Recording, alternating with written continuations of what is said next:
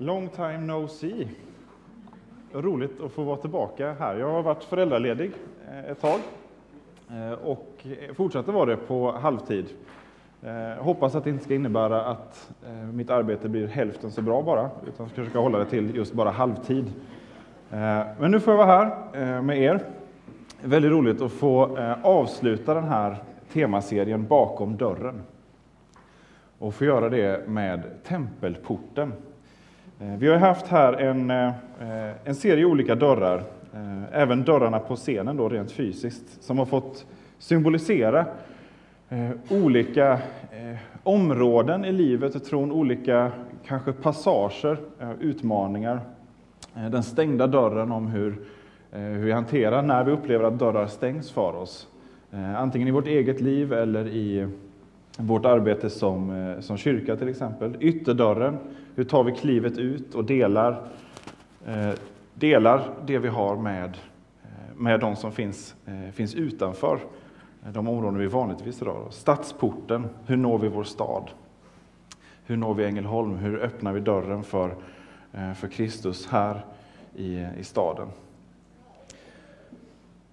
Och dörrar har ju ofta en, en sån här stor symbolik i, eh, i sagor, eh, till exempel så är det ofta saker som finns bakom en dörr, kanske en helt ny värld, en helt annan värld, om man har eh, läst eller sett Narnia till exempel.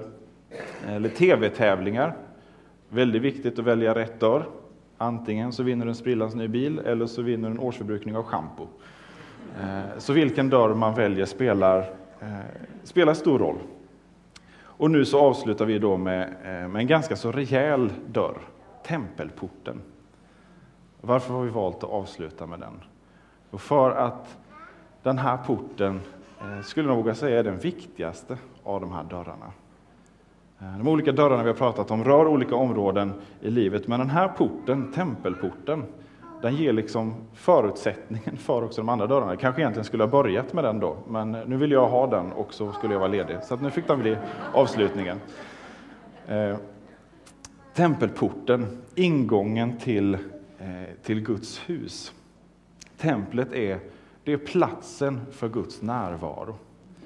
Eh, och det känns kanske lite svårt att relatera för, till för att vi har inte eh, vi har inte tempel. Vi kallar inte den här byggnaden för tempel. Eh, I judisk tradition så eh, finns det i vissa traditioner att man kallar eh, synagogan, sin församlingssal, för templet fortfarande. Men men det vi menar med templet här, då tänker vi på den här, det mäktiga boningshuset för Gud, Guds eget hus. Eh, och kommer komma till varför vi inte kallar kyrkan för tempel, eller varför vi inte har byggt ett eh, 30 meter högt eh, kalkstenstempel eller marmortempel här i Ängelholm. Varför vi har valt att lägga kollekten på något annat än det. Vi vill bara börja med med vad templet är och vad det har varit. Det är alltså, om man säger att det är Guds hus, så är det platsen där Gud bor, inte på det här Eh, lite serietidningssättet eh, som vi kan få Gud målad för oss ibland. Om man har läst Herman Hedning till exempel, eh, så har vi ju en, ja, det är en ganska liten Gud, får man nog säga, som tecknas där. Verkligen en gubbe på ett moln. Och det är alltså inte på det sättet Gud bor i templet, och det trodde man inte heller när templet stod i Jerusalem. Eh, men ändå så talar man om det att det här är platsen där Gud bor. Därför att han har valt att slå sig ner där, mitt ibland sitt folk. Och det är där, på den platsen som Gud har valt, som han uppenbarar sig, som han låter sig ses. Det är där som han låter sig mötas. Eh, och det var inte självklart eh, för människor att, att möta Gud. Det finns någonting som, Eh, som ligger i vägen för att vi ska se Gud, för att vi ska kunna möta Gud. Och det är synden. Och den behöver undanröjas. Eh, och Gud har genom historien förberett eh, då en väg för, en lösning för det här. Och templet är en avgörande funktion i det här att han tar en plats en plats på jorden som får vara fri från synd, helt avskild, helig kallar vi en sån plats. Eh, och där det inte heller får komma in eh, några, eh, några människor i det här rummet, förutom en stackars liten överstepräst som en gång om året på skälvande ben fick träda in där för att representera folket i det mötet med Guds närvaro. Eh, och de var så rädda att det skulle bli för mycket för honom att ta koll på honom, så att man band ett rep om hans fot. Så om han skulle dö där inne så skulle de kunna dra ut honom i alla fall. Så stark var Guds heliga närvaro och så, så allvarligt blir mötet med den fullständiga renheten och heligheten. Och när vi som människor kommer med vår synd, att det går inte. Det är som att skruva i en glödlampa rätt i eh, huvuduttaget på ett kärnkraftverk. Den klarar inte det. Vi måste ha transformatorstationer och väga ner. Och det här är vad templet gör. Där finns liksom huvudledningen, himlens huvudledning ner på jorden och så är templet som en transformatorstation som får förmedla Guds närvaro ut eh, till folket. Eh, och det, så har det, eh, Gud har mött människor i alla tider på olika sätt och låtit dem få glimtar eh, av honom. Men så när han samlar åt sig ett folk Israels folk, det judiska folket, så ger han också dem det här verktyget, den här mötesplatsen, tabernaklet, ett, ett nomadtempel, ett scouttempel kanske man kan säga, som de kunde packa ihop, ta med sig och resa upp. Eh, och då var det inte så att de ställde upp templet där de ville ha Guds närvaro, utan de följde Guds närvaro. Eh, det står att när helst Guds närvaro lyfte sig, som visade som, som molnpelare eller som, som rök, ja då följde de. Eh, och så, så ville de vara där Gud var och ha den här mötesplatsen. Och sen så kommer vi till kung David, som då vill ha den här mötesplatsen säkrare. Det har varit lite rörigt, den har flyttat på sig lite hit och dit. Och så Nu vill han, här på den här platsen, på Moriaberg i Jerusalem, där du har mött människor förr, där Abraham fick, eh, fick möta Gud, eh, han och Isak eh, fick möta dem där. Och andra berättelser som knyts dit, så vill David få bygga ett tempel, permanenta det här tabernaklet, den här mötesplatsen. På något sätt få en, en garanterad mötesplats med Gud för folket på den här platsen. Och eh, Gud, man kan nästan säga att Gud går med på det. Men han låter inte David bygga templet, eh, utan han eh, ger det uppdraget till Davids son Salomo. Och det får vara en plats, en tid, men den utsätts för attacker både utifrån, men också inifrån. Hur tron korrumperas och vittrar sönder genom dåligt ledarskap. Eh, och också utifrån hur staden attackeras. Rent fysiskt så, så rivs templet eh, och plundras. Men man bygger upp det igen. För det är så centralt för Guds folk att få ha en plats där de kan få möta honom, där de också kan få offra och få veta att här har jag lagt fram ett offer för mina synder. Här har jag en plats där jag kan få lägga fram mina böneämnen, mina behov. Och jag kan också få eh, bibelordet läst för mig, löftena uttalade över eh, mina offer och mina böner. Så när helst det inte finns en sån plats så är det en kris hos folket. Man bygger upp templet igen. Och när vi kommer fram till tiden för när Jesus och hans lärjungar besöker Jerusalem, ja då finns det ett tempel. Eh, och det är ett stort, stort byggnadsverk. Där har man inte sparat på, på pengarna. Herodes har, eh, han gillar att bygga, han har byggt mycket. Eh, och man kan ana att han har gett sig den på att jag ska bygga det största och bästa och vackraste templet i hela världen.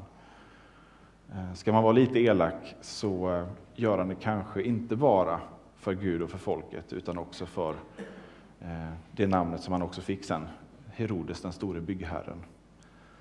Men Gud använder också människors orena motiv ibland och gör det till sitt. Och det här får bli en plats där, där Gud möter människor. Men det här templet kritiseras också. När Jesus kommer dit med lärjungarna så slås de verkligen av hur, eh, ja men hur, eh, eh, hur fantastiskt det är, hur stort det är. Vilket fantastiskt byggnadsverk att människor har kunnat bygga det här.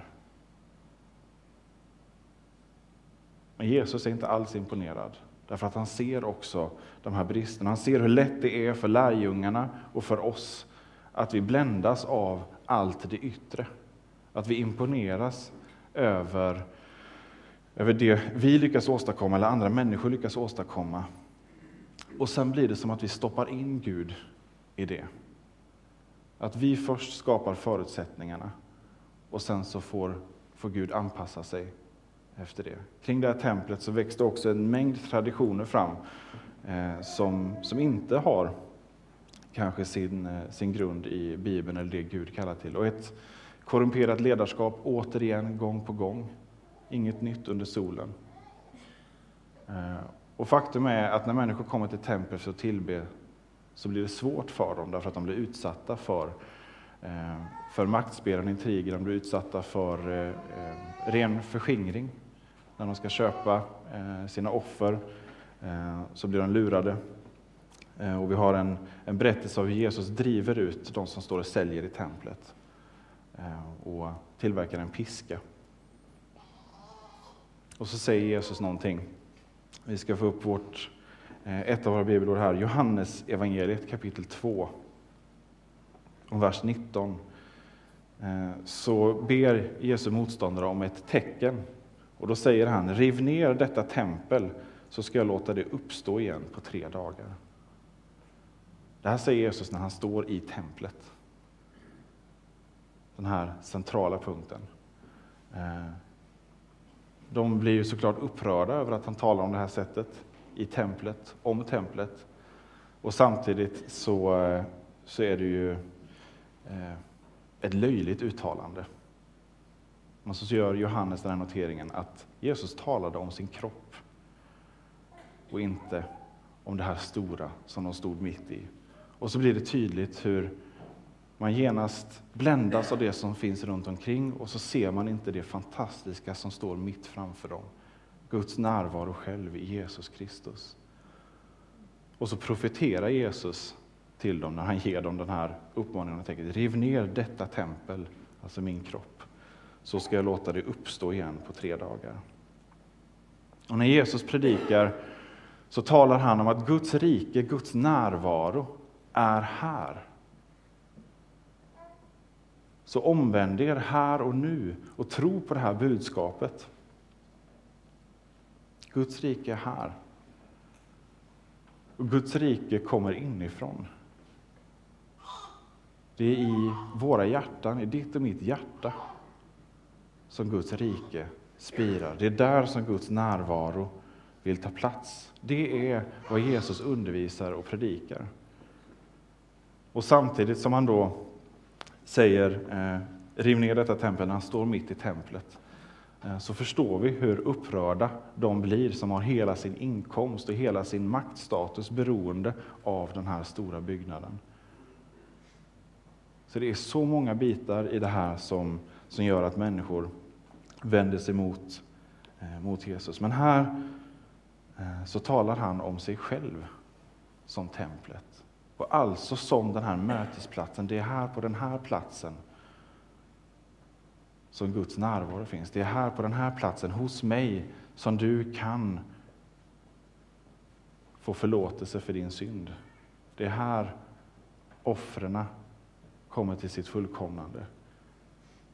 Det är här du kan lägga fram dina behov, kom med dina bördor. Ni som är tyngda av bördor, kom till mig, säger Jesus. Kom till templet, kom till mötesplatsen med Gud. Så tempelporten är just den här öppningen mellan två världar. Och det finns någonting yttre, det finns ett yttre tempel. Men det visar, allting av det visar framåt och nu bakåt mot Jesus. Där har vi templet, där har vi tempelporten. Och den vandringen behöver vi göra. En pilgrimsvandring. Inte, vi kan för all del åka till Israel och besöka tempelplatsen där och göra en sån pilgrimsvandring. Men den viktigaste pilgrimsvandringen är att vi tar det här steget mellan två världar. Om vi öppnar vår, vårt hjärtas port och ser att vi också kan få kliva in i tempelporten, i Jesu hjärta. Två hjärtan, två portar, två världar som, som möts. I tron på Jesus, där kan vi få tillbedjan, där kan vi få, få möta Gud, få be om hjälp. Det är en inbjudan. En kallelse, en uppmaning, en utmaning. Men det är en inbjudan som är fri att svara på. Kom och följ mig. Kom och kliv in genom eh, den här porten. Och det är en inbjudan att få bli en del av det bygget. I första Petrusbrevet kapitel 2 så står det så här om Jesus. När ni kommer till honom, den levande stenen, ratad av människor men utvald av Gud och ärad av honom, då blir också ni till levande stenar i ett andligt husbygge.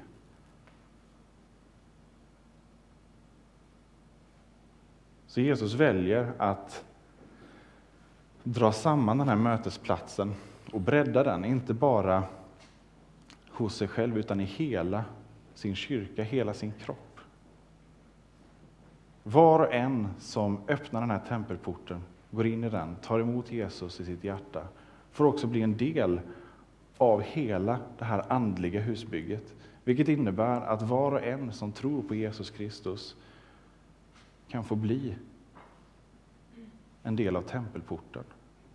Och kan få vara med och vara den som öppnar dörren för ytterligare en människa att upptäcka den fantastiska nåden och förlåtelsen och friheten som finns i ett liv tillsammans med Jesus. Innebär det här att vi ska bara strunta i allt vad, vad fysiska tempel har varit? Eller rent av förakta det som något mänskligt bygge eller, eh, eller något förlegat? Jag tror inte det.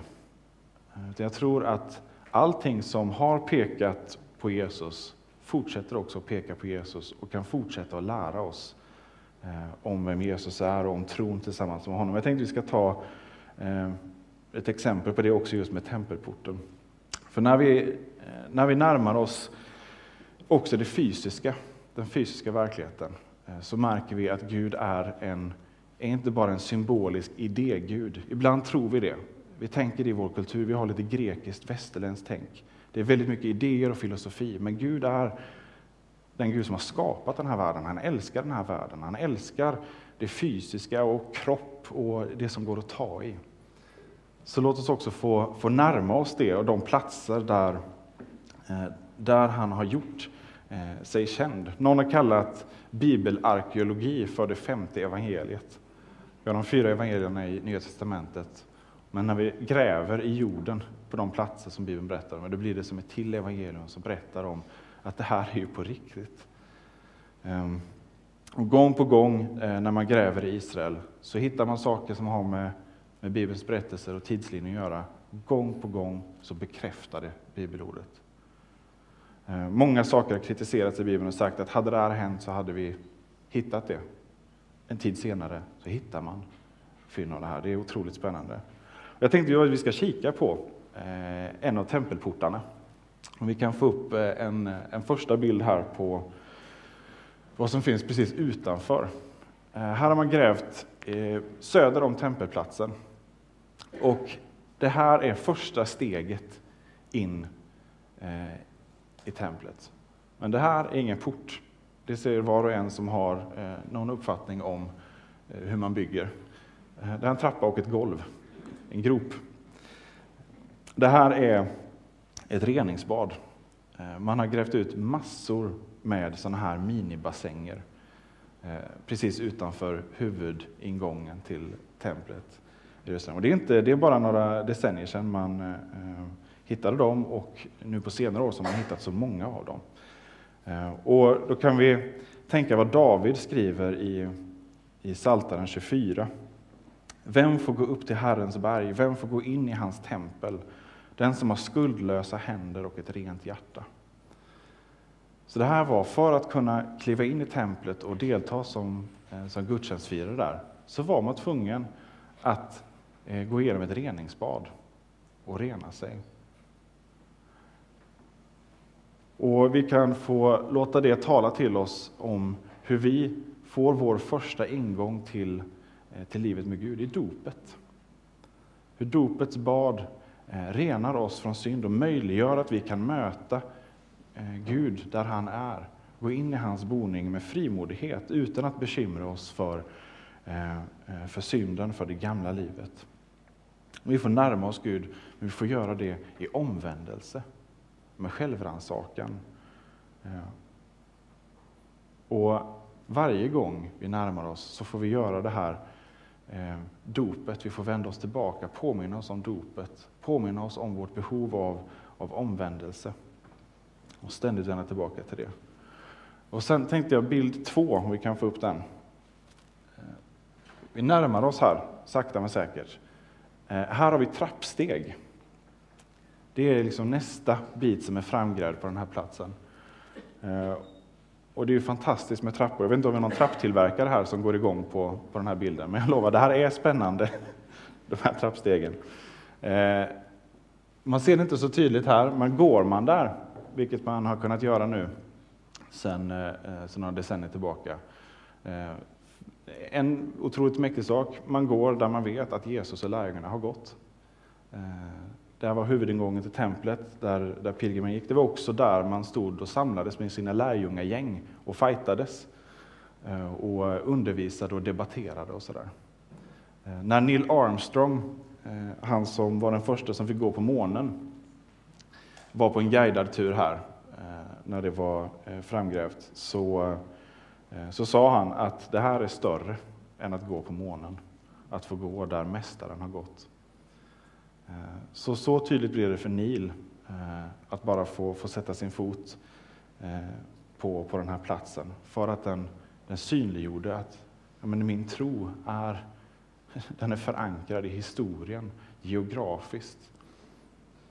Men det som är speciellt med de här trappstegen är att de är oregelbundna. De är inte som, som våra fina trappor. De här är ju väldigt välbyggda, måste jag säga. Eh, och de är jämna och fina. Jag kan gå här utan att oroa mig för att snubbla. Men de där trappstegen är, de är helt eh, ojämna, oregelbundna. Eh, och det är inget taskigt eh, bygge, utan det ska vara så. Det är väldigt medvetet byggt. Du ska inte kunna rusa upp till templet. Du ska inte kunna bara ja, gå upp där i, av ren rutin och slentrian, utan här du behöver tänka på var du sätter fötterna. Och så blir vägen upp till mötet med Gud eh, någonting som, som får ske eh, medvetet och man får begrunda. Och som också hjälper dig att, att ha fokus på det som är viktigt. Nu är den här bilden tagen när det inte är någon turistgrupp här. Eh, på Jesu tid eh, så var det ju smockfullt med människor, särskilt kring högtiderna. Och där stod folk och ropade och eh, bråkade och debatterade och folk stod och eh, sålde och dealade grejer och man pratade om det senaste. Så det var ett enormt brus. Och så fanns det här som ett hjälpmedel att komma ur det bruset. Jag kan inte lyssna på vad de skvallrar om där borta, för då snubblar jag. Utan fokus, var sätter jag mina fötter stadigt och så upp mot templet. Jag tror att vi kan behöva hjälpmedel idag också för att få oss ur bruset. Det är så mycket som händer runt omkring eh, och vi rusar till det ena med det andra, rusar till gudstjänst från gudstjänst så finns det något vi kan göra eh, konkret i våra liv? Kan vi lägga ut någonting när du går hemifrån? Eh, be någon lägga ut en, eh, en bräda utanför dörren så du snubblar eller något. Alltså, hitta någonting som, som väcker dig. Eh, det finns mängder med olika sätt att göra det, det får ni, eh, får ni uppmuntra varandra i. Men att hitta saker som, som för oss ut i bruset eh, och får oss att förstå. Och så till det sista, nu äntligen kommer vi till, till porten, den sista bilden. Här ser man en av portarna, igenmurad sedan medeltiden. Eh, vi tar nästa bild igen så ser vi hur, hur det faktiskt såg ut på, på Jesu tid. Eh, två portar, en rejäl till höger, där gick man in.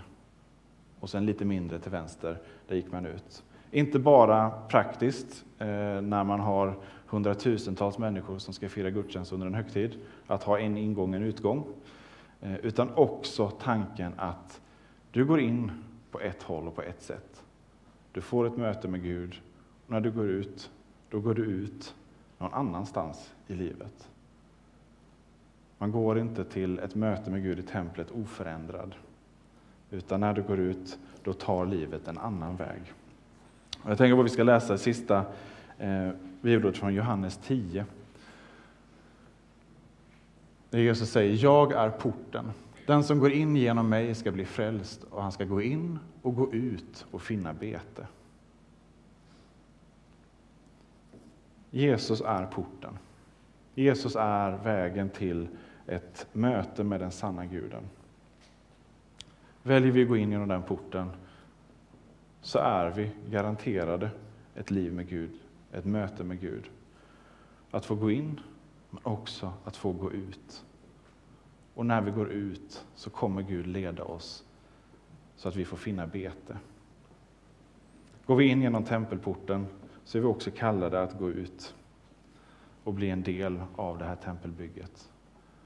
Och så blir det fler och fler dörrar till det här templet, fler och fler knutpunkter i vår värld där människor får möta, får möta Gud. Så ta det här som en inbjudan och också som en påminnelse eh, om vad vårt uppdrag är.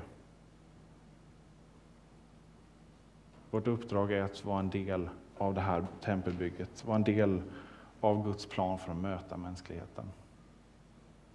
Så templet är inte bara någonting vi har där i historien, utan det har vi här och nu, här idag. Du har möjlighet till ett möte med Gud som förändrar och du har också möjlighet att få ge det mötet till andra människor. Till en livsförvandling för dem. Låt oss be. Tack Jesus för att du eh, möter oss och söker upp oss där vi är. Och tack för att du öppnar vägen till, eh, till ett möte med Gud själv. Tack för att vi i dig har allt som vi någonsin behöver. Eh, för att vi i dig har förlåtelse för vår synd och får se hur ditt offer utplånar all vår skuld.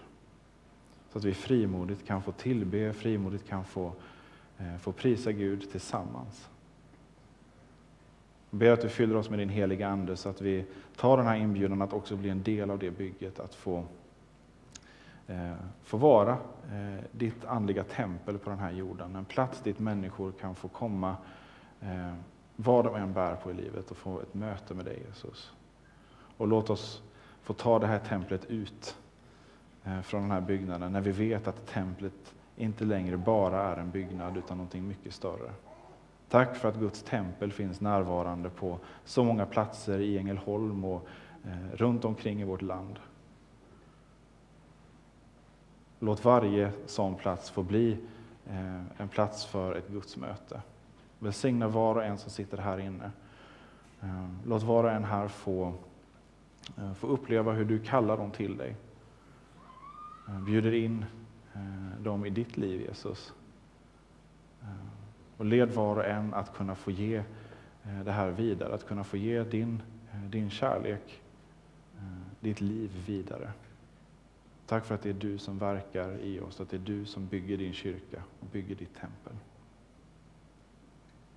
I Jesu namn. Amen.